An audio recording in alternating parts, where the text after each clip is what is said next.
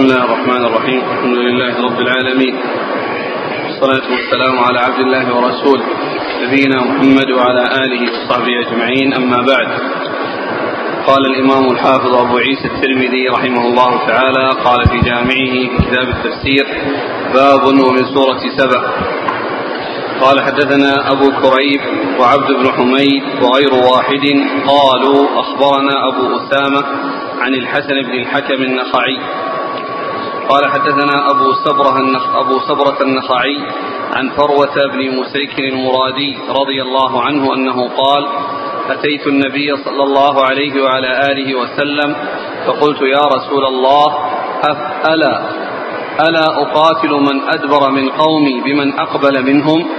فأذن لي في قتالهم وأمرني. فلما خرجت من عنده سأل عني ما فعل الغطيفي؟ فأخبرت فأخبر أني قد سرت. قال فأرسل في أثري فردني فأتيته وهو في نفر من أصحابه. فقال ادعوا القوم فمن أسلم منهم فاقبل منه ومن لم يسلم فلا تعجل حتى أحدث إليك. قال وأنزل في سبأ ما أنزل فقال رجل يا رسول الله وما سبأ؟ أرض أو امرأة؟ قال ليس بأرض ولا امرأة. ولكنه رجل ولد عشرة من العرب فتيامن منهم ستة وتشاءم منهم أربعة. فأما الذين تشاءموا فلخم وجذام وغسان وعاملة. وأما الذين تيامنوا فالأزد والأشعريون وحمير ومذحج وأنمار وكندة. فقال رجل يا رسول الله وما أنمار؟ قال الذين منهم خثعم وبجيلة. وروي هذا عن ابن عباس رضي الله عنهما عن النبي صلى الله عليه وآله وسلم. قال أبو عيسى هذا حديث حسن غريب. بسم الله الرحمن الرحيم. الحمد لله رب العالمين وصلى الله وسلم وبارك على عبده ورسوله نبينا محمد وعلى آله وأصحابه أجمعين. أما بعد فهذا الحديث اورده الترمذي رحمه الله في تفسير سورة سبأ وهو يتعلق بقول الله عز وجل لقد كان لسبأ في مسكنهم آية.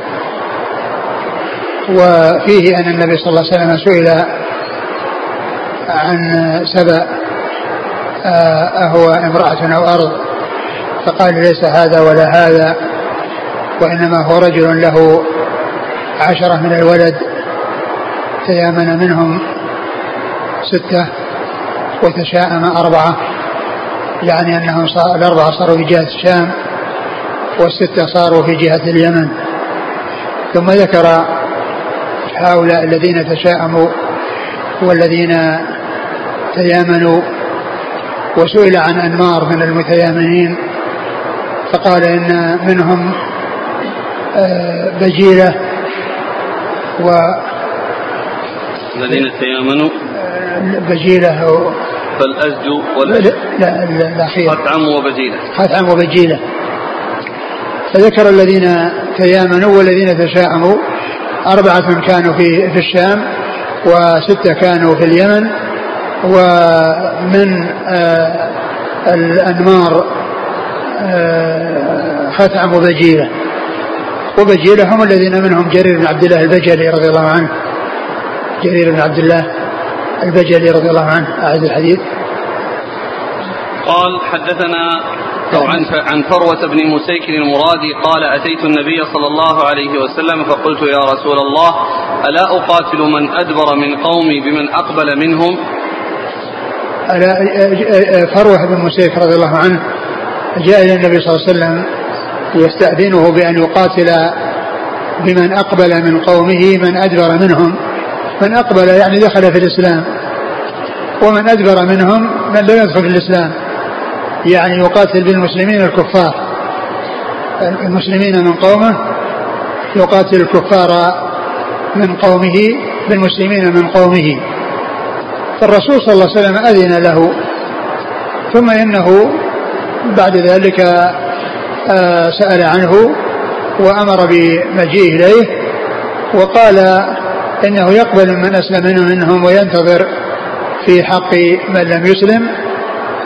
ثم إنه آه، سئل أو عن عن عن عن سبأ وأجاب بأنه رجل آه، له عشرة من الولد أربعة تشاءموا وستة تيامنوا. وما يتعلق بقوله آه، حتى أخبرك ما جاء في الحديث يعني شيء يدل على يعني بيان آه، هذا الذي يريد أن يخبره به صلى الله عليه وسلم. ولكنه جاء في بعض الأحاديث التفصيل فيما يتعلق بقتال الكفار وأنهم أولا يدعون إلى الإسلام ثم بعد ذلك آه، يدعون إلى الإسلام ثم بعد ذلك آه، يقاتلون إذا لم يسلموا. وفي بعضها أيضا أنهم آه، تؤخذ منهم الجزية ويدخلون تحت حكم تحت حكم الإسلام. و وفي وقد جاء ذلك مفصلا في حديث بريدة بن الحصيب في صحيح مسلم هو حديث طويل. كان فيه النبي صلى الله عليه وسلم يوصي أمراءه الذين يبعثهم في البعوث بتقوى الله وبمن معهم من المسلمين خيرا ثم يقول ارجو بسم الله قاتلوا من كفر بالله. ثم ذكر جملة من الوصايا ثم إذا قال إذا لقيت عدوك من المشركين فادعهم إلى كذا وإلى كذا. فهذا فيه بيان آه، آه، الطريقة التي يعامل بها الكفار ولكن لا بد من الدعوة إلى الإسلام أولا لأن المقصود هو الدخول في الإسلام. فإذا حصل في البداية وبدون عناء وبدون قتال فإن هذا هو المطلوب. وإذا حصلت المعاندة وعدم الاستجابة فإن فإنه ينتقل إلى القتال. ولهذا أيضا جاء في حديث آه، علي آه، حديث آه، سهل بن سعد في قصة خيبر وإعطاء الراية لعلي رضي الله عنه. وقد قال للنبي صلى الله عليه وسلم ادعهم إلى الإسلام. فادعهم إلى الإسلام وأخبرهم بما يجب عليهم من حق الله فيه حق الله فيه فوالله لأن يهدي الله بك رجلا واحدا خير لك من حمر النعم. نعم. فقلت يا رسول الله ألا أقاتل من أدبر من قومي بمن أقبل منهم فأذن لي في قتالهم وأمرني. فلما خرجت من عنده سال عني ما فعل الغطيفي فأخبر أني قد سرت. قال فأرسل في أثري فردني فأتيته وهو في نفر من أصحابه. فقال ادعوا القوم فمن أسلم منهم فاقبل منه ومن لم يسلم فلا تعجل حتى أحدث إليك. قال وأنزل في سبأ ما أنزل. فقال رجل يا رسول الله وما سبأ؟ أرض أه. قال ليس بأرض ولا امرأة ولكنه رجل ولد عشرة من العرب فتيامن منهم ستة. وتشاءم منهم أربعة. فأما الذين تشاءموا فلخم وجذام وغسان وعاملة.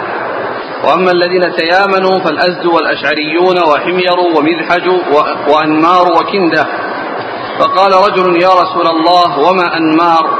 قال الذين منهم خثعم وبجيلة. وروي هذا عن ابن عباس عن النبي صلى الله عليه وسلم. آه، والحديث في إسناده سبرة وفيه ضعف. ولكن له شواهد أو له يشهد له آه، ما ذكره الترمذي عن ابن عباس. نعم. قال حدثنا أبو كريب. محمد بن العلاء بن كريب ثقة أخرج أصحاب كتب الستة. وعبد بن حميد. ثقة أخرج البخاري تعليقا واسم الترمذي. عن أبي أسامة. حماد بن أسامة ثقة أخرج أصحاب الكتب الستة. عن الحسن بن الحكم. وهو صدوق صدوق نعم. أبو داود والترمذي والنسائي في مسند علي وابن ماجه. نعم. عن أبي ثبرة النخعي. وهو؟ مقبول. أخرج أبو داود والترمذي وابن ماجه. نعم. عن فروة بن مسيك. صحابي أخرج له. أبو داود والترمذي. نعم. وروي هذا عن ابن عباس. ابن عباس عبد الله بن عبد المطلب بن عم النبي عليه الصلاة والسلام. وأحد العباد الاربعه من أصحابه الكرام. وأحد السبع المكثرين من حديثه عليه الصلاة والسلام. نعم. إسناد أمس. نعم. قال حدثنا عبد بن حميد عن روح بن عبادة. روح بن عبادة ثقة أخرج أصحاب كتب الستة. عن عوف. عوف بن أبي جميله الأعرابي ثقة أخرج أصحاب كتب الستة. عن الحسن ومحمد وخلاس عن أبي هريرة. الحسن بن أبي الحسن البصري ثقة أخرج أصحاب كتب الستة ومحمد هو بن سيرين ثقة أخرج أصحاب كتب الستة وخلاس ابن عمرو وهو ثقة أخرج أصحاب كتب الستة. عن أبي هريرة. وأبو هريرة عبد الرحمن بن صخر الدوسي رضي الله عنه أكثر الصحابة حديثا. قال وفيه عن أنس أنس بن مالك رضي الله عنه خادم النبي صلى الله عليه وسلم وأحد السبع المكثرين من حديثه. يقول السائل وفقكم الله ما مدى صحة ما ذكره ابن كثير بأن هؤلاء العشرة ليسوا ولد من الصلب بل منهم ولد ولده واعتمد على المنقول في التاريخ. فهل يستقيم مخالفة ظاهر الحديث لما نقله الأخباريون؟ آه، المتبادر أنهم أولاد له وهذا هو الأصل. وأما آه، ذكر شيء محتمل فالأصل هو خلافه. الأصل هو خلافه. وإن كان ولد آه، ولد الولد قال له ولد لكنه قال له عشرة من الولد هم كذا وكذا أربعة أيام أربعة أشياء وستة أيام.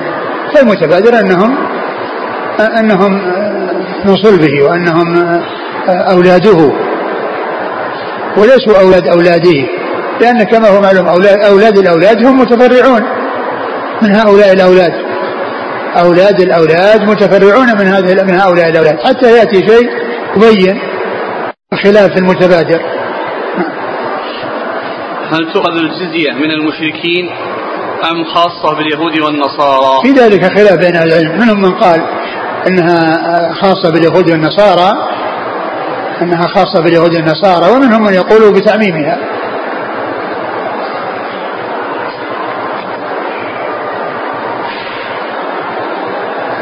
ما العلاقة بين قصة الغطيفي ونزول آيات سبأ؟ لأن كان هذا من اليمن. لأن هذا من اليمن اللي هو الغطيفي وقال إيش؟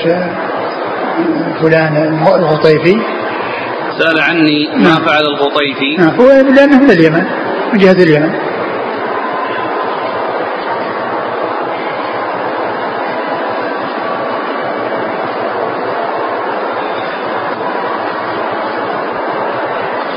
قال حدثنا ابن أبي عمر قال حدثنا سفيان عن عمرو بن دينار عن عكرمة عن أبي هريرة رضي الله عنه عن النبي صلى الله عليه وعلى آله وسلم أنه قال إذا قضى الله في السماء أمرا ضربت الملائكة بأجنحتها خضعانا لقوله كأنها سلسلة على صفوان فإذا فزع عن قلوبهم قالوا ماذا قال ربكم؟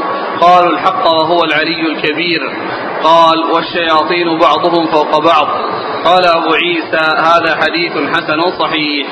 نعم. قال حدثنا نصر بن علي الجهضمي قال حدثنا عبد الأعلى قال حدثنا معمر عن الزهري عن علي بن حسين عن ابن عباس رضي الله عنهما أنه قال بينما رسول الله صلى الله عليه وعلى آله وسلم جالس في نفر من أصحابه إذ رمي بنجم فاستنار. فقال رسول الله صلى الله عليه وآله وسلم ما كنتم تقولون لمثل هذا في الجاهلية إذا رأيتموه؟ قالوا كنا نقول يموت عظيم أو يولد عظيم. فقال رسول الله صلى الله عليه وآله وسلم فإنه لا يرمى به لموت أحد ولا لحياته ولكن ربنا عز وجل إذا قضى أمرا سبح له حملة العرش ثم سبح أهل السماء الذين يلونهم ثم الذين يلونهم حتى يبلغ التسبيح إلى هذه السماء.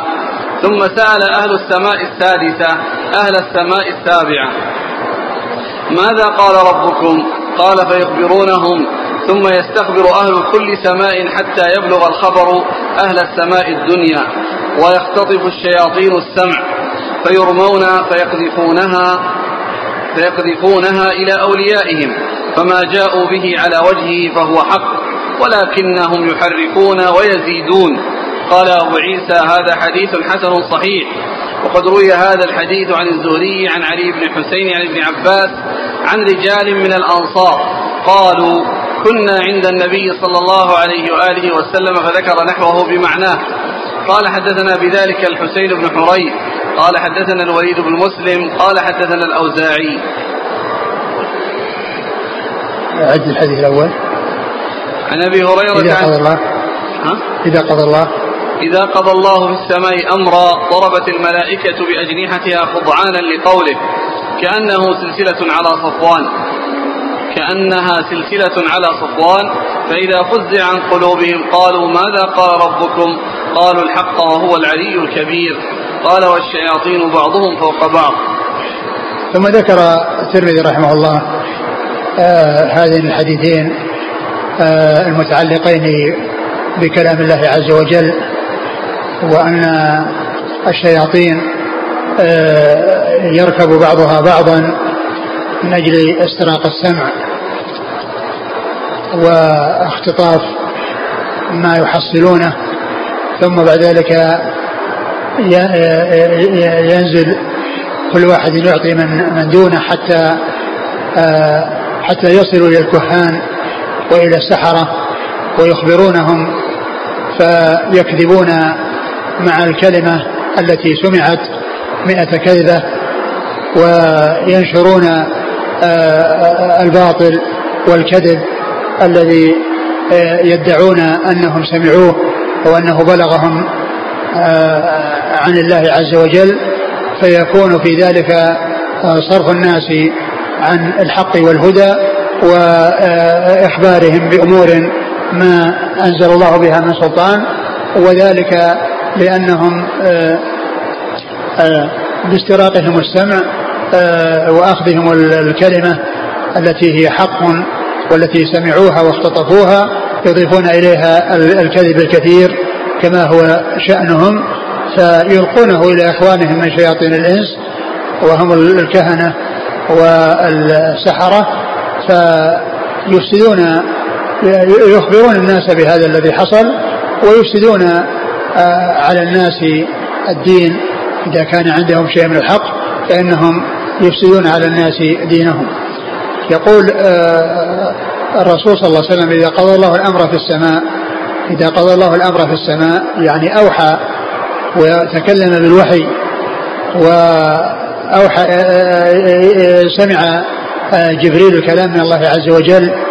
وهذا فيه دليل على أن الله عز وجل يتكلم في الوحي وأن الملك يأخذ من الله عز وجل وأنه ليس أخذ الوحي من اللوح المحفوظ وأنه لا يؤخذ من الله عز وجل وإنما يتلقاه جبريل من الله سبحانه وتعالى ولا يأخذه من اللوح المحفوظ. وإن كان قد كتب في اللوح المحفوظ كما جاء في القرآن الكريم إنه لقرآن كريم في كتاب مكنون لا يمسه إلا المطهرون تنزيل من رب العالمين. فالله تعالى يتكلم في الوحي وإذا, تكلم وإذا قضى الله الأمر بالوحي إذا قضى الله الأمر في السماء وتكلم بالوحي إيش إيش بعده؟ ضربت الملائكة. ضربت الملائكة بأجنحتها. ضربت الملائكة بأجنحتها خضعان لقوله كأنها سلسلة على صفوان.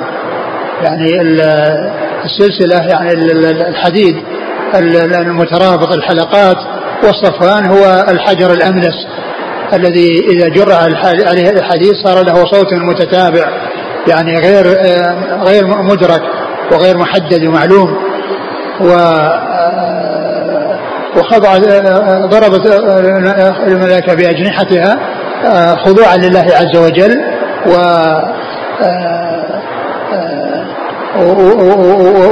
وهذا فيه أن الملائكة لها أجنحة والأجنحة جاء في القرآن أن أن أن الملائكة أجنحتهم مثنى وثلاثة ورباع ويزيد في الخلق ما يشاء. وثبتت السنة في جبريل عليه السلام أن له 600 جناح وقد راه النبي صلى الله عليه وسلم مرتين مره في السماء ومره في الأرض وقد سد الأفق لما رآه في, في الأرض لما رآه الرسول صلى الله صلوات الله وسلامه عليه وبركاته في الأرض.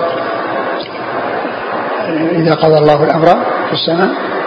ضربت الملائكة بأجنحة خضعانا لقوله كأنه سلسلة على صفوان فإذا فزع عن قلوبهم فإذا فزع يعني زال الفزع عن الملائكة لأنه يصيبهم غشي. يعني بما سمعوه. فيصيبهم غشي فإذا فزع عن قلوبهم قالوا ماذا قال ربكم؟ ماذا قال ربكم؟ يعني الكلام الذي تكلم به ماذا قال؟ فيجابون قال الحق وهو العلي الكبير. قال الحق قال الله عز وجل الحق وهو العلي الكبير. ثم كل آه، آه، سماء آه، ينزل به حتى إلى يصل إلى السماء الدنيا. والشياطين يركب بعضهم بعضا حتى يصلوا عنان السماء فيسترقون السمع. ثم جاء في الحديث الثاني بيان آآ آآ آآ أن الشهب إنما كان يرمى بها الذين يسترقون السمع وأن الذي يسترقه يرمى بشهاب فقد يصيبه الشهاب قبل أن يلقي الكلمة إلى إلى أخيه من شياطين الإنس وقد آه، يلقيها قبل أن يدركه الشهاب. قد يدركه الشهاب فلا فيهلك أو يصيبه الضرر فلا يصل إلى ما يريد. وقد يسلم من هذا الشهاب فيوصلها إلى إلى إلى من يريد إلى إلى أخيه من من شياطين الإنس. يوصلها إلى أخيه من شياطين الإنس. أقرأ الحديث الثاني عن ابن عباس قال بينما رسول الله صلى الله عليه وسلم جالس في نفر من أصحابه إذ رمي بنجم فاستنار. فقال رسول الله صلى الله عليه وسلم ما كنتم تقولون لمثل هذا في الجاهلية إذ رمي بنجم فاستنار. يعني ظهر فيه يعني إضاءة. أقول إضاءة يعني في المكان أو الجهة التي حصل رميه فيها. فقال عليه السلام ماذا كنتم تقولون لهذا في الجاهلية؟ يعني سؤاله آه، آه، آه، ليبين لهم عليه الصلاة والسلام الحق في هذا وأن وأن هذا إنما هو للشياطين الذين كانوا يسترقون السمع. نعم. ماذا كنتم تقولون؟ فقالوا كنا نقول يموت عظيم أو يولد عظيم. نعم. فقال صلى الله عليه وسلم إنه لا يرمى به لموت أحد ولا لحياته. ولكن ربنا عز وجل إذا قضى أمرا سبح له حملة العرش ثم سبح أهل السماء الذين يلونهم ثم الذين يلونهم ثم حتى يبلغ التسبيح إلى هذه السماء ثم سأل أهل السماء السادسة أهل السماء السابعة ماذا قال ربكم؟ قال فيخبرونهم ثم يستخبر أهل كل سماء حتى يبلغ الخبر أهل السماء الدنيا. ويختطف الشياطين السمع فيرمون فيقذفونها إلى أوليائهم. فما جاء أوليائهم من الإنس. نعم. فما جاءوا به؟ على وجهه فهو حق ولكنهم يحرفون ويزيدون. وجاء في بعض الروايات أنهم يكذبون معه مئة كذبة. مع الكلمة الواحدة يكذبون معه مئة كذبة. فيحرفون ويزيدون والزيادة آه، ليست بالقليلة بل هي كثيرة. تبلغ هذا المقدار الذي هو مئة كما جاء ذلك في بعض الأحاديث الصحيحة عن رسول الله صلى الله عليه وسلم. شوف كلام الشارح إيش قال في الحديث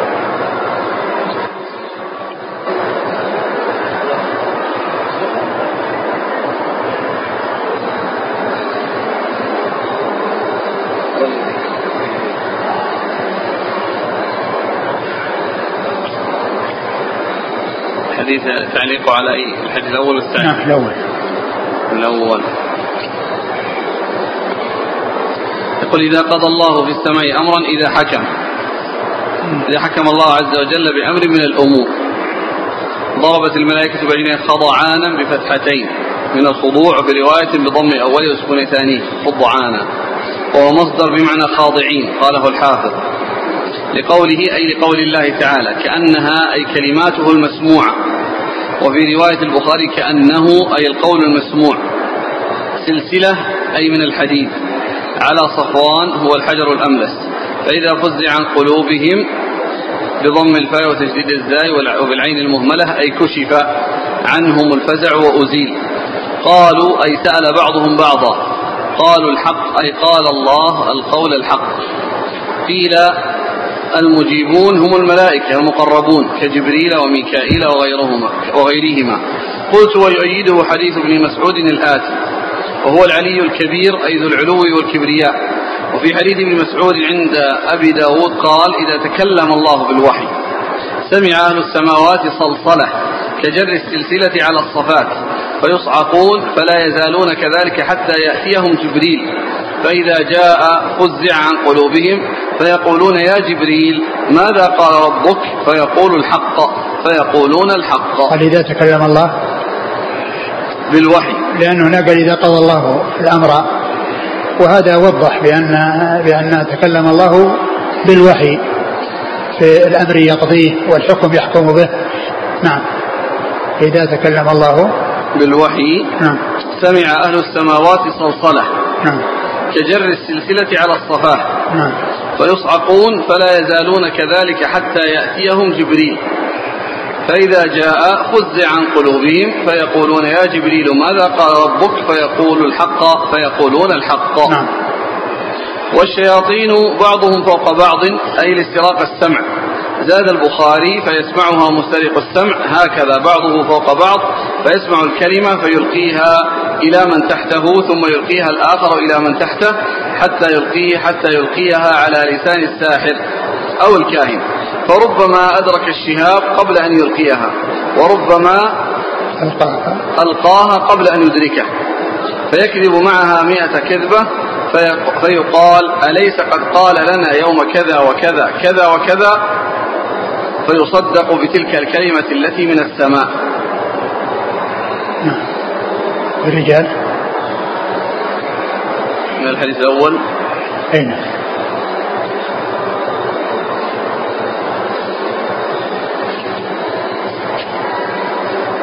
قال حدثنا ابن أبي عمر. هو العدني هو صدوق. أخرج له مسلم والترمذي والنسائي وابن ماجه. عن سفيان. هو بن عيينة ثقة. أخرج أصحابه في الستة عن عمرو بن دينار.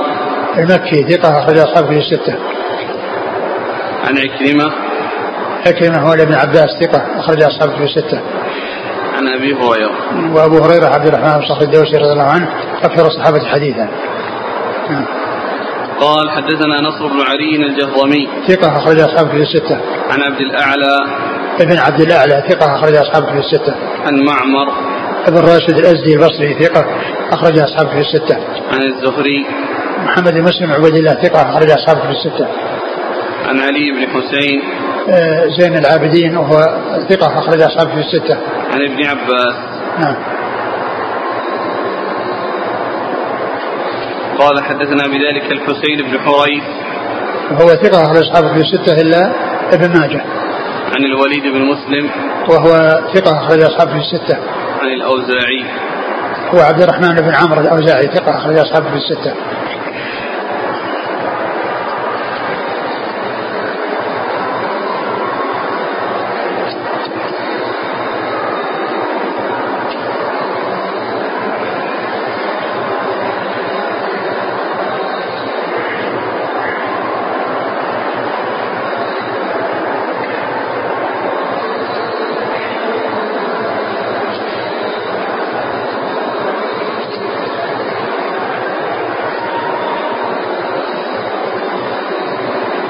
يقول كأنها سلسلة على صفوان التشبيه هنا. لصوت الله تعالى بصوت السلسلة. هو جاء في يعني يعني تفسيرها بأنه يرجع إلى كلام الله وأن ومنهم من قال أنه يرجع إلى كلام جبريل في الوحي إذا كان الأول أليس فيه نوع تشبيه؟ معلوم أن الله ليس لا, لا, لا يشبه شيء ولا يعني آه، كما قال الله عز وجل ليس كمثله شيء هو السميع البصير. آه، ومعلوم ان ما فيه يعني آه، شيء يدل على ان أن هذا يعني ان ان هذا يتعلق بكلام الله عز وجل وأنه على هذا الوصف. لأنه آه، قال بعض أهل العلم أن المقصود ذلك ما يحصل من جبريل هل استراق السمع توقف في وقت نزول الوحي كما قاله بعض العلماء؟ معلوم أن الوحي أن الوحي إلى إلى الأرض انتهى بوفاة الرسول صلى الله عليه وسلم.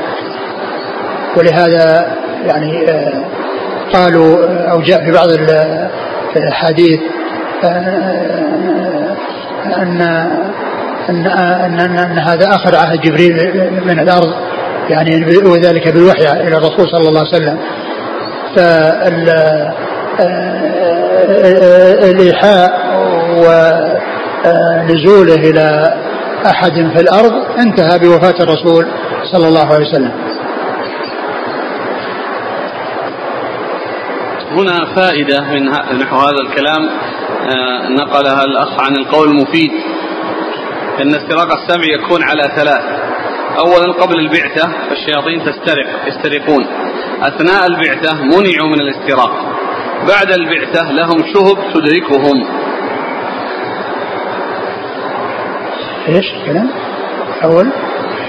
قبل البعثة نعم. كانوا يسترقون السمع. نعم. أثناء البعثة منعوا من الاستراق. بعد البعثة لهم شهب تدركهم.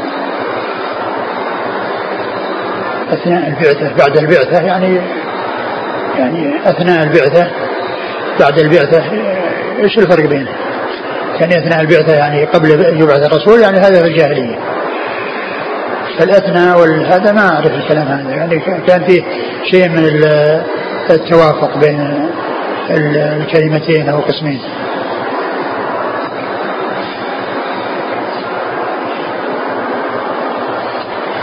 الشهاب الذي يسقط هل ثبت هناك حديث أو دعاء يقال عند رؤية ذلك الشهاب؟ ما أعلم. ما أعلم شيء يقال. لا أعلم. آه، جاءت أسئلة في معرفة الصفة التي ذكرها سفيان في تراكم الشياطين بعضهم على بعض. يعني كان يعني قال حرفها وبدد بين أصابعه يعني معناه أنه فرقها يعني معناه أن بعضها فوق بعض والشياطين هكذا بعضهم فوق بعض. قالوا إنه يعني انها نفرقها يعني فرق بين أصابعه بمعنى أنها بعضها فوق بعض.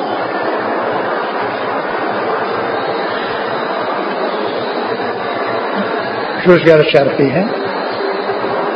أو الشارح ما ما جاءت ليست في الحديث. نعم أقول ما جاءت هنا. نعم. لكنهم هكذا قالوا يعني إنها بعضها فوق بعض وفرق بدد يعني فرق بين أصابعه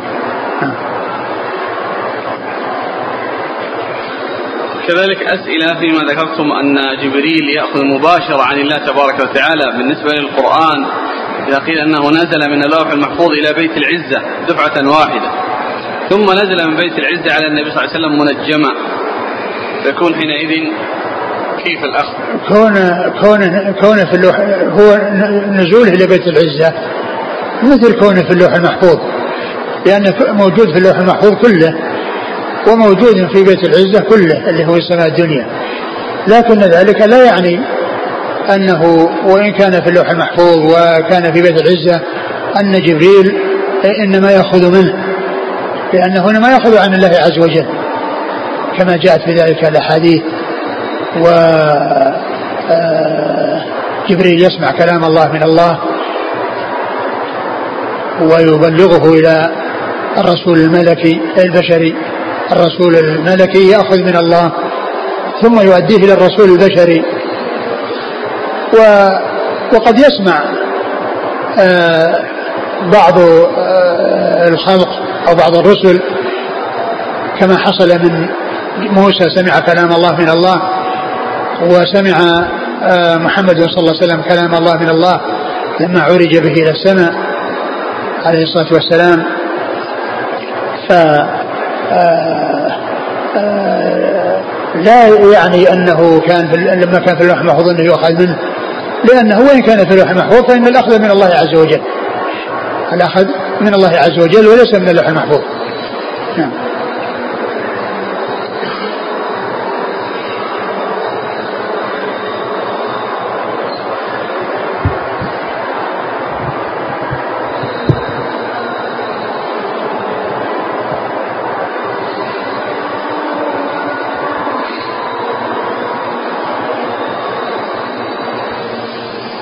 يقول هل في الحديث دليل على أن الشياطين لا تطير؟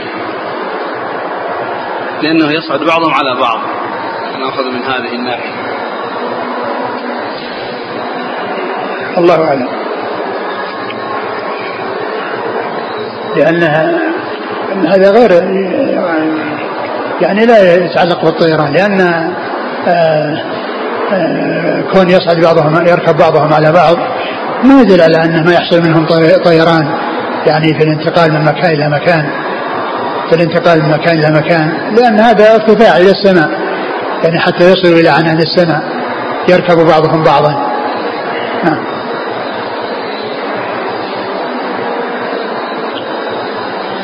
قال باب ومن سورة الملائكة. قال حدثنا أبو موسى محمد بن المثنى ومحمد بن بشار. قال حدثنا محمد بن جعفر. قال حدثنا شعبة عن الوليد عن الوليد بن عيزار أنه سمع رجلا من ثقيف يحدث عن رجال من كندة عن أبي سعيد الخدري رضي الله عنه عن النبي صلى الله عليه وعلى آله وسلم أنه قال في هذه الآية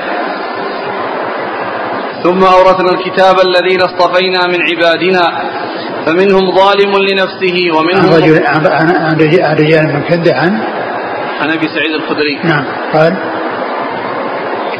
عن النبي صلى الله عليه وسلم أنه قال في هذه الآية ثم أورثنا الكتاب الذين اصطفينا من عبادنا فمنهم ظالم لنفسه ومنهم مقتصد ومنهم سابق بالخيرات. قال هؤلاء كلهم بمنزلة واحدة وكلهم في الجنة.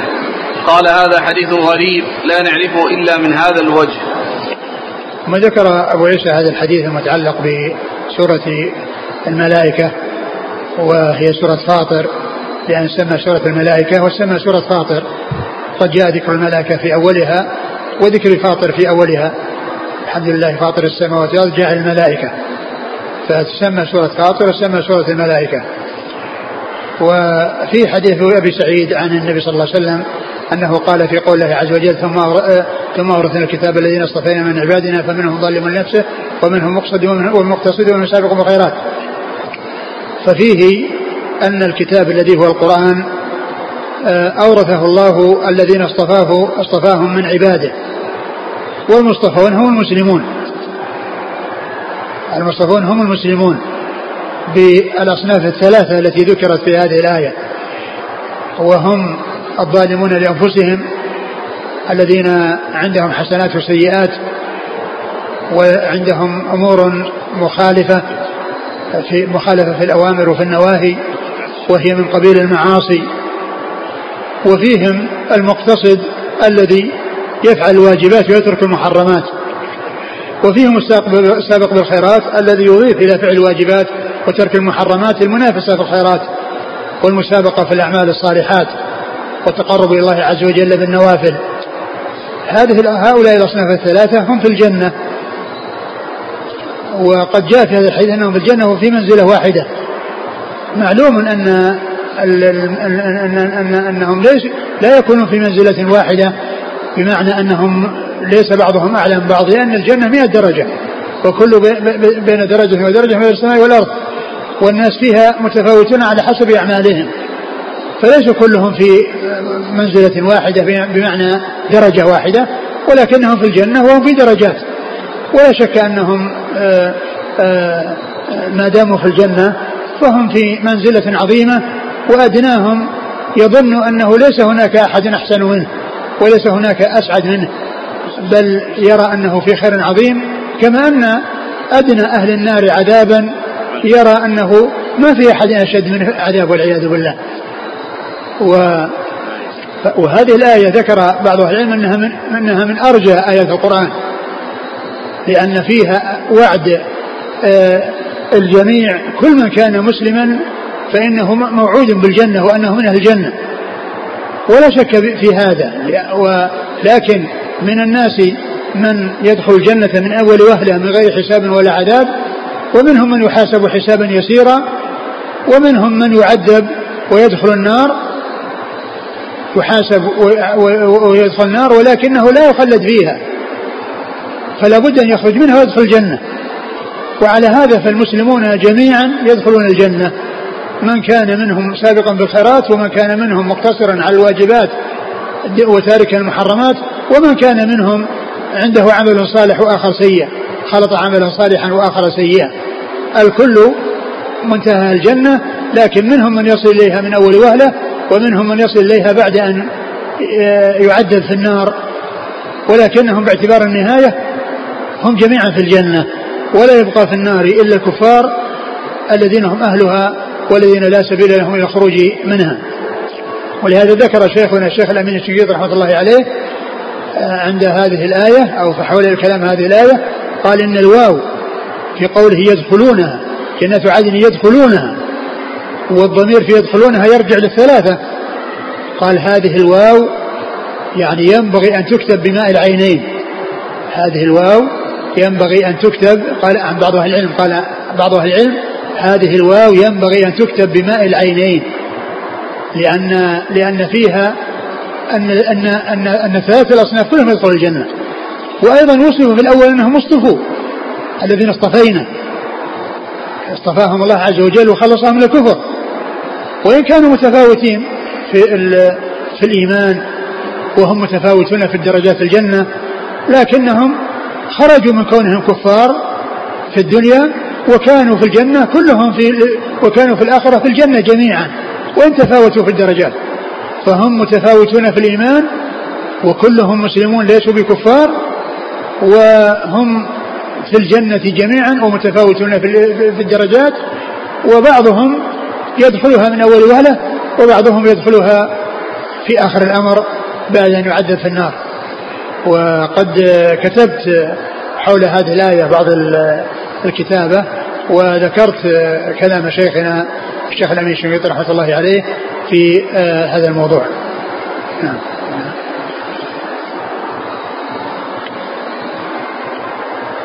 يخبر الله تعالى عن عظيم فضله وامتنانه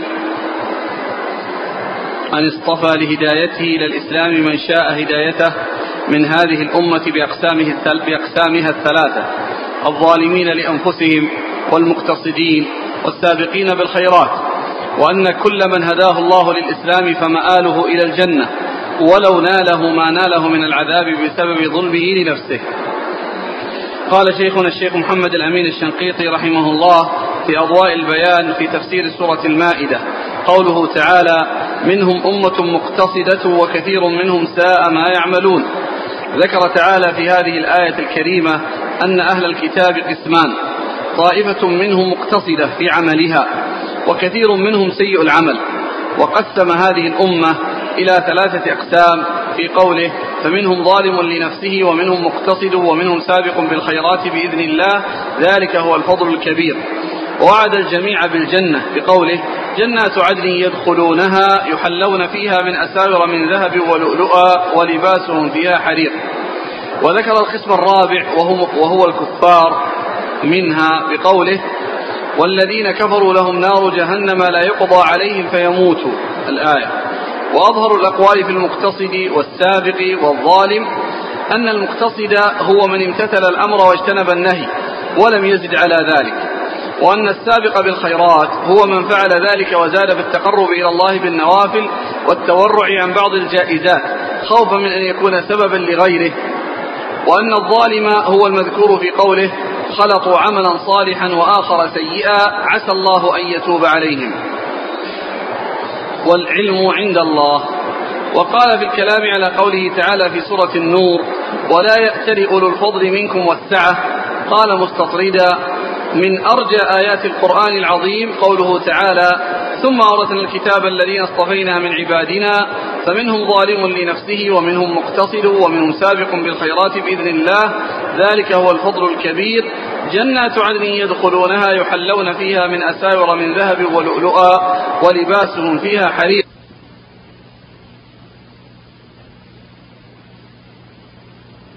قالوا الحمد لله الذي أذهب عنا الحزن. إن ربنا لغفور شكور. الذي أحلنا دار المقامة من فضله. لا يمسنا فيها نصب ولا يمسنا فيها لغوب. فقد بين تعالى في هذه الآية الكريمة أن إيراث هذه الأمة لهذا الكتاب دليل على أن الله اصطفاها في قوله ثم أورثنا الكتاب الذين اصطفينا من عبادنا. وبين أنهم ثلاثة أقسام.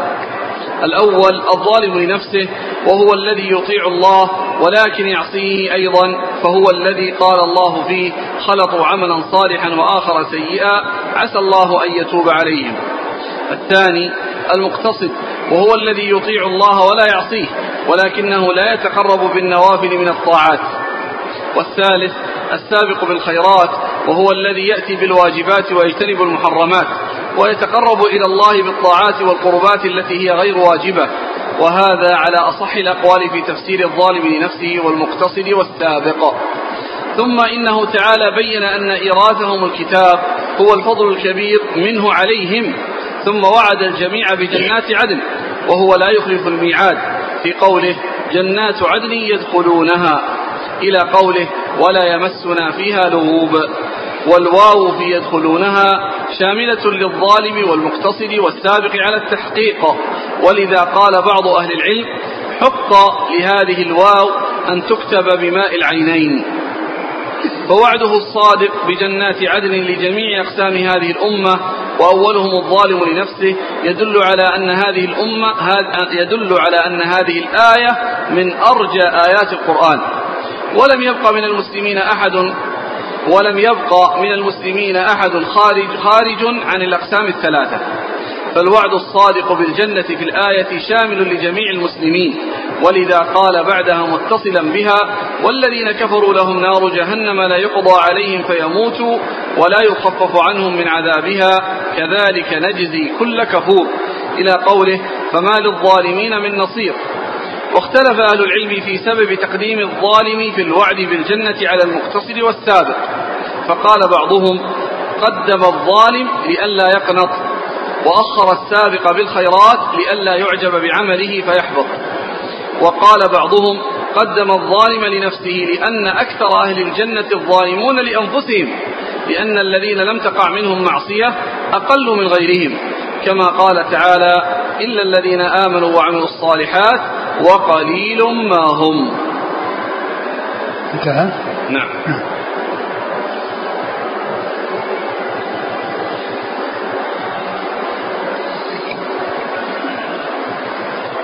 قال حدثنا أبو موسى محمد بن المثنى. هو آه، العنزي الزمن ثقة. أخرج أصحاب كتب الستة هو شيخ لأصحاب كتب الستة. ومحمد بن بشار. وهو الملقب من دار ثقة أخرج أصحاب كتب الستة وهو شيخ لأصحاب كتب الستة.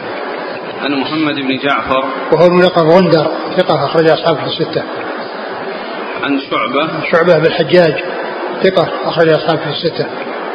عن الوليد بن عزار وهو ثقة أخرج له. البخاري ومسلم والترمذي والنسائي.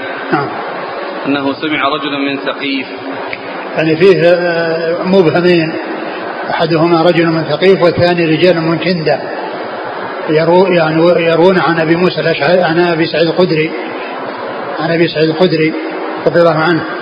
و ويعني هذا الإبهام الذي في هذين الرجلين يعني آه، جاء شواهد تدل على ما دل عليه الحديث فهو يصح لا من هذه الطريقة التي فيها الإبهام في موضعين وإنما بالشواهد الأخرى التي آه، تدل على ذلك. نعم.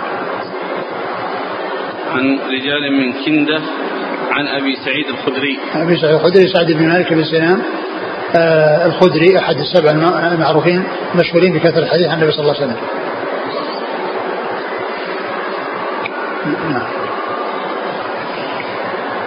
هذا يسأل يقول أليست آية قل يا عبادي الذين أسرفوا على أنفسهم هي أرجى آية في القرآن؟ والله يعني في أرجى آية في القرآن قيل فيها يعني آيات متعددة منها هذه قل يا عبادي أسرفوا على أنفسهم لا تقنطوا من رحمة الله. وهذه يعني لا شك واضحة في أنها من أرجى آيات القرآن. لكن هذه التي فيها أن الكل يدخل الجنة وأن كل مسلم في الجنة. أيضا كذلك هي من أرجى آيات القرآن. وكذلك بعض أهل العلم يقول من أرجى آيات القرآن قول الله عز وجل وهل نجازي إلا الكفور؟ وهل نجازي إلا الكفور؟ يعني معناها الذي يعاقب هو الكفور. يعني ومعنى ذلك أن غير الكفور الذي يكون مسلما فإنه يكون من أهل الجنة. وإن آه، عذب على يعني ما على قدر ما يستحقه لكن فيه أن أن أن أن, أن, أن العذاب إن إنما هو الكفار هو العذاب الدائم. وأما غيرهم فإنه لا يدوم عذابه ولا بد وأن يكون في الجنة. فالحاصل أن كلمة الأرجى هذه جاءت في عدة آيات. منها هذه الآيات الثلاث وهل نجازي إلا الكفور؟ قل يا عبادي الذين عن أنفسهم لا تقربوا رحمة الله. و ثم أورثنا الكتاب الذين اصطفينا من عبادنا وفيه يدخلونها. جنة عدن يدخلونها. نعم. وهذا أثر عن علي أنه قال يقول تقولون يا معشر أهل القرآن أن أرجى آية في القرآن يا عبادي الذين أسرفوا على أنفسهم لا تقنطوا من رحمة الله. ونحن نقول إن أرجى آية في القرآن ولسوف يعطيك ربك فترضى. أي الشفاعة.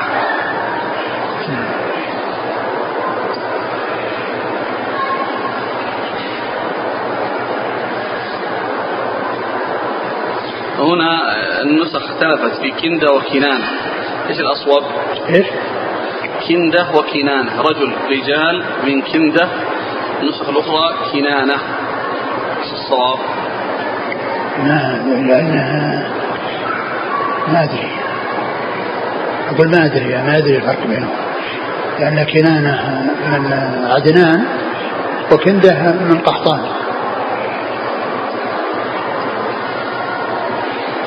عن رجل أول عن, عن رجل من إيش؟ عن, عن رجل من ثقيف يحدث عن رجال من كندة. لا أدري. إيش النسخ اللي فيها؟ الشرح الشرح فيها كنانة؟ وتحقيق الشيخ مشهور. كنانة؟ كنانة. آه. والشيخ ناصر الشيخ هي اللي معه لا المشهور هذا نعم يعني مشهور. الشيخ ناصر و وال والشرح أي. كلهم فيه كنانة؟ نعم. أي ما, ما أدري. على كل النسخة التي عندنا هي التي مظنة الغلط والغلط فيها كثير. لكن ما أدري عاد النسخ الأخرى يعني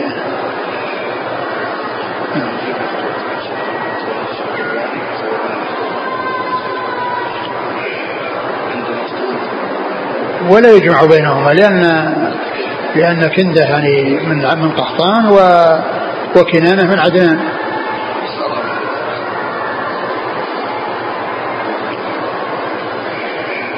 وكنانة من آباء الرسول صلى الله عليه وسلم. يعني بن فهر بن مالك بن نضر بن كنانة ابن خزيمة. يعني كنانة ابن خزيمة.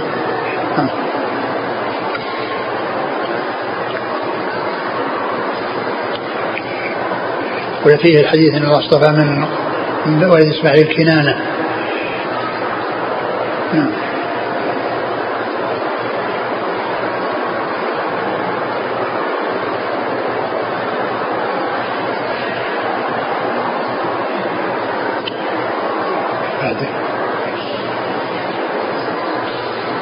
قال رحمه الله تعالى باب ومن سورة ياسين. قال حدثنا محمد بن وزير الواسطي قال حدثنا إسحاق بن يوسف الأزرق عن سفيان الثوري عن أبي سفيان. نعم هذا ساقط في هذه النسخة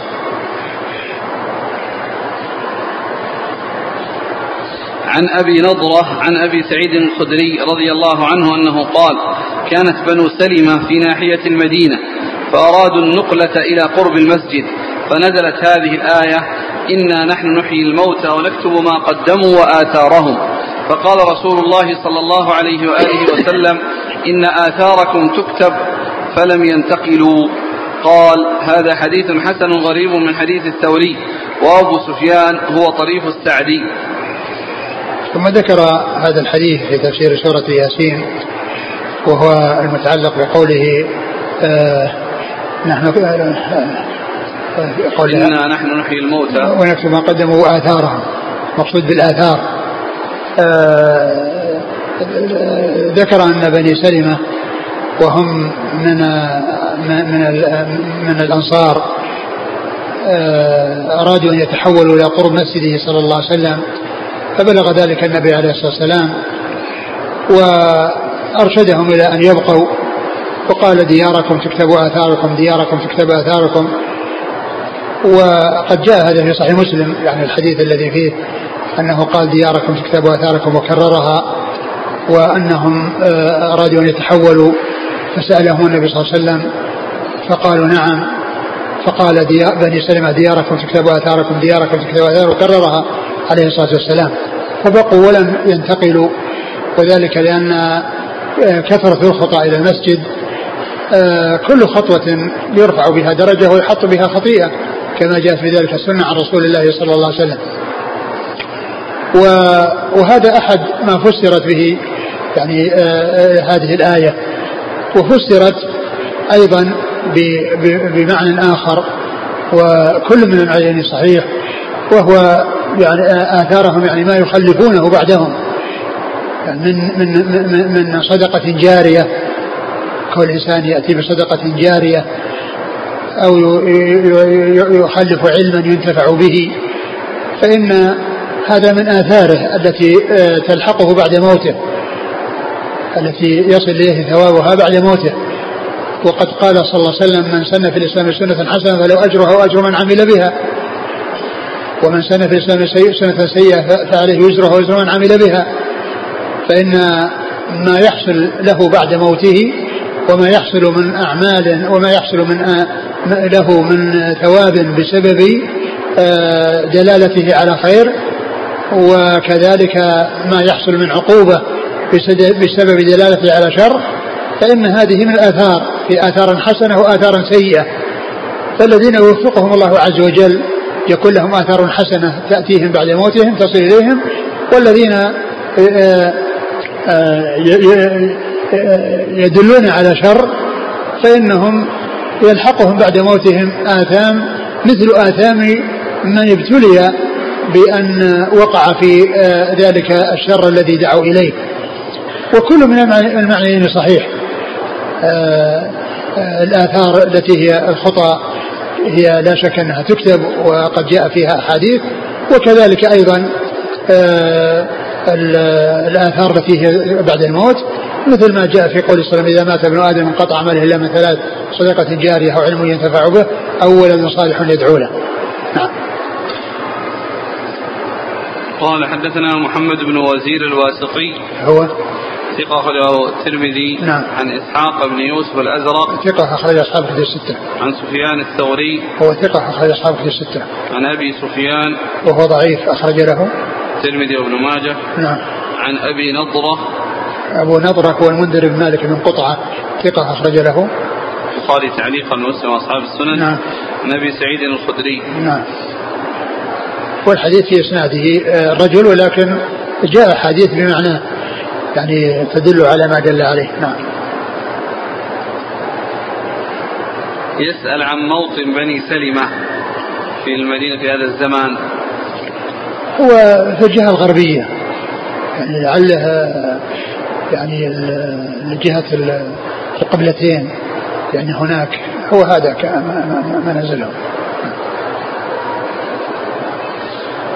قال حدثنا هناد قال حدثنا أبو معاوية عن الأعمش عن إبراهيم التيمي عن أبيه عن أبي ذر رضي الله عنه أنه قال قال دخلت المسجد حين غابت الشمس والنبي صلى الله عليه وسلم جالس فقال النبي صلى الله عليه وعلى آله وسلم أتدري يا أبا ذر أين تذهب هذه؟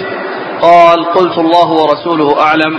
قال فإنها تذهب فتستأذن في السجود فيؤذن لها وكأنها قد قيل لها اطلعي من حيث جئت فتطلع من مغربها. قال ثم قرأ ذلك مستقر لها. قال وذلك قراءة عبد الله. قال أبو عيسى هذا حديث حسن صحيح. ثم ذكر الترمذي هذا الحديث المتعلق آه، آه، في هذه الآية. تجري. لمستقر لها تجري لمستقر لها قال وذاك مستقر لها في هذه القراءة. والرسول صلى الله عليه وسلم لما دخل أبو ذر آه، المسجد عند غروب الشمس قال له أين تدري أين تذهب هذه يشير إلى الشمس؟ قال الله ورسوله أعلم. قال إنها تذهب وتستأذن السجود وتسجد تحت العرش.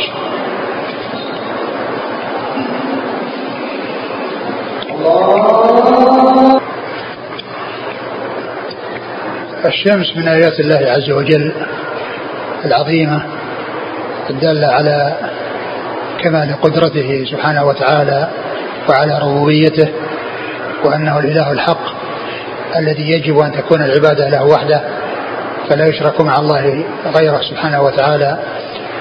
و وهي في فلكها تظهر من الشرق وتغيب من جهة الغرب وهي مستمرة على ذلك.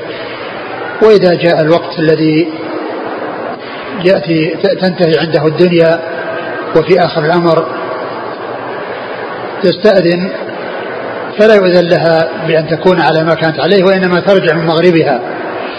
وإذا خرجت الشمس من مغربها عند ذلك آه، أوشكت الدنيا على الانتهاء وكان ذلك من علامات قرب آه، قيام الساعة وانتهاء هذه الدنيا. والنبي صلى الله عليه وسلم قال إنها آه، أنها تسجد وتستأذن في ال ال يعني في سيرها إما أن تبقى على ما هي عليه وإما أن ترجع. وهي يؤذن لها بالاستمرار وفي الوقت الذي يشاء الله عز وجل أنها ترجع مغربها تخرج عن الناس مغربها وعند ذلك آه، تكون الدنيا أوشكت على على الانتهاء. ومعلوم أن الشمس أنها لا تفارق الأرض فهي تغيب عن أناس وتطلع على أناس. تغيب على أناس وتطلع على أناس. والرسول صلى الله عليه وسلم قال تدري أين تذهب؟ فهذا قد يستدل به على أنها إذا غابت يعني عن الجزيرة وهو المكان الذي فيه النبي صلى الله عليه وسلم والذي سأل فيه أبا ذر أين تذهب؟ أنها في ذلك الوقت أنها أنها تسجد. وتستأذن في الخروج أو في, في الطلوع في الاستمرار على ما هي عليه وتستمر على ذلك حتى يأتي اليوم الذي لا تخرج من الشرق وإنما تخرج من الغرب وذلك عند نهاية الدنيا. وعلى هذا فالشمس آه، لا تغيب عن الأرض بل هي تظهر على أناس إذا غابت ظهر غابت عن أناس طلعت على أناس. وهذا يعني لأن الأرض كروية كما هو معلوم. وهذا يدل على كرويتها لأنها لو كانت مسطحة سطحا واحدا لخرجت عليها دفعة واحدة. ولكن كونها تظهر على أناس وتغيب على أناس هذا لكونها كروية لكون الأرض كروية. وقد قال ابن القيم في في في قوله وإذا الأرض كيف سطحت قال إن كونها كروية لا ينافي أن يكون لها سطح يستقر عليه الأنام. لا ينافي أن يكون لها سطح يستقر عليه الأنام. وكونها كروية هذا شيء معروف من قديم الزمان. وليس من اكتشافات العصر الحاضر الذي آه، يذكرون في كتب الجغرافيا يستدلون على الأرض كروية لأن لو أن إنسانا وضع ثلاثة أعمدة في نسق واحد ثم نظر إليها من منظار من مكان بعيد لرآها متفاوتة وأنها ليست متوازية فإذا هذا دليل على كرويتها. يعني هذا مما يستدل يستدلون به على كرويتها. وهذا شيء من قديم الزمان معروف. وقد جاء عن في أثر عن ابن عباس. ذكره ابن أبي حاتم بإسناده ونقله عنه ابن كثير وقال إسناده صحيح وقال إن الشمس كهيئة الساقية. آه، آه، يعني تسير في النهار فإذا غابت فإذا غابت فإنها تسير في الليل تحت الأرض. يعني معناه إذا غابت عن الناس صار عندنا ظلام وعند غيرنا ضياء ولكنها موجودة يعني مستمرة. وهذا يدل على يعني على أنها كروية وأن الشمس لا تغادر وأما كونها تسجد تحت العرش وكيفية ذلك لا يعلمه إلا الله سبحانه وتعالى. نحن نؤمن بما ورد وإن لم نعرف الكنهة والكيفية لكننا نصدق بالخبر ولا يعني كونه تسجد العرش أن الأرض تخلو منها وأنه يعني لا يبقى ضياء في الأرض كلها بل إنها تغيب عن أناس وتظهر على أناس وكما هو الواقع وكما هو معروف من قديم الزمان وكما جاء به الأثر. وأنا قد أحضرت يعني هذا الأثر الذي ذكره ابن عباس نقرأه. وهو في تفسير ابن كثير في آخر سورة آه، لقمان عند قول الله عز وجل أن ترى أن الله يولج الليل والنهار ويولج النهار في الليل؟ نعم.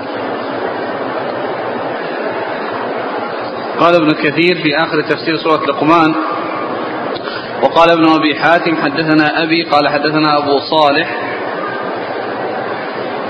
نعم. أصابها شيء من البلل. آه. يعني الإسناد بعدين عن يحيى بن أيوب عن ابن جريج عن ابن جريج أو ابن جرير. نعم. لا ابن جريج. نعم. عن عطاء بن أبي رباح عن ابن عباس رضي الله عنهما أنه قال الشمس بمنزلة الساقية تجري بالنهار في السماء في فلكها. فإذا غربت جرت بالليل في فلكها تحت الأرض حتى تطلع من مشرقها. قال وكذلك القمر. وكذلك وكذلك القمر. القمر. نعم. وإسناده صحيح. نعم منزلة الساقية. الساقية هذه اللي دولاب اللي يدور. دولاب نعم. يتحرك يدور تجري بالنهار في السماء في فلكها. نعم. فإذا غربت جرت بالليل في فلكها. نعم. يعني في الليل, في الليل عندنا. نعم. يعني في الليل عندنا لكن عند غير النهار تحت الأرض حتى تطلع من مشرقها من اليوم الثاني. نعم. آه، لكن كذلك أحسن لك الأسئلة في حول آه، ثبوت الأرض أو أو دورانها. عرفنا الآن ما يتعلق بالكروية لكن النصوص جاءت بأنها ساكنة وأنها يعني مستقرة. وقد جاء في بعض الأحاديث أن أن البيت المعمور على الكعبة ولو سقط لسقط عليها ولو سقط لسقط عليها. ومعلوم أنها لو كانت تدور كان يتغير مكان مكان الكعبة. نعم. قال حدثنا هناد. هناد بن السري أبو السري ثقة أخرجه البخاري في خلق افعال عباده ومسلم وأصحاب السنن. عن أبي معاوية. محمد بن خازم الضرير الكوفي ثقة اخرج اصحابه في الستة. عن الأعمش. سليمان بن مهران الكاهلي ثقة أخرج اصحابه في الستة. عن إبراهيم التيمي. هو ثقة آه، أخرج أصحابه في الستة. عن أبيه وأبوه كذلك ثقة أخرج أصحابه في الستة. عن أبي ذر. أبو ذر الغفاري جندب بن جنادة رضي الله عنه أخرج أصحابه في الستة. والله أعلم وصلى الله وسلم وبارك على رسول نبينا محمد وعلى آله وصحبه أجمعين. جزاكم الله خيرا وبارك الله فيكم. ألهمكم الله الصواب ووفقكم للحق. ونفعنا الله بما سمعنا وغفر الله لنا ولكم وللمسلمين أجمعين. هذا يسأل عن هل أن هل صحيح أن الشيخ ابن باز رحمه الله سحب كل طبق طبعات كتابه الذي أثبت فيه بأن الأرض ليست أن الشمس غير مستقرة. هذا موجود في مجموع الفتاوى أقول مجموع ضمن الرسائل وهل للشيخ كلام في الكروية؟ الكروية؟ كروية الأرض. إي نعم كلامه خلاف الكروية يعني ينفي الكروية؟ لا أبدا يثبتها. بل يعني هو في نفس الكتاب يعني ذاك على على على ثبوت الأرض و واستقر كذا وامكان الوصول إلى الكواكب.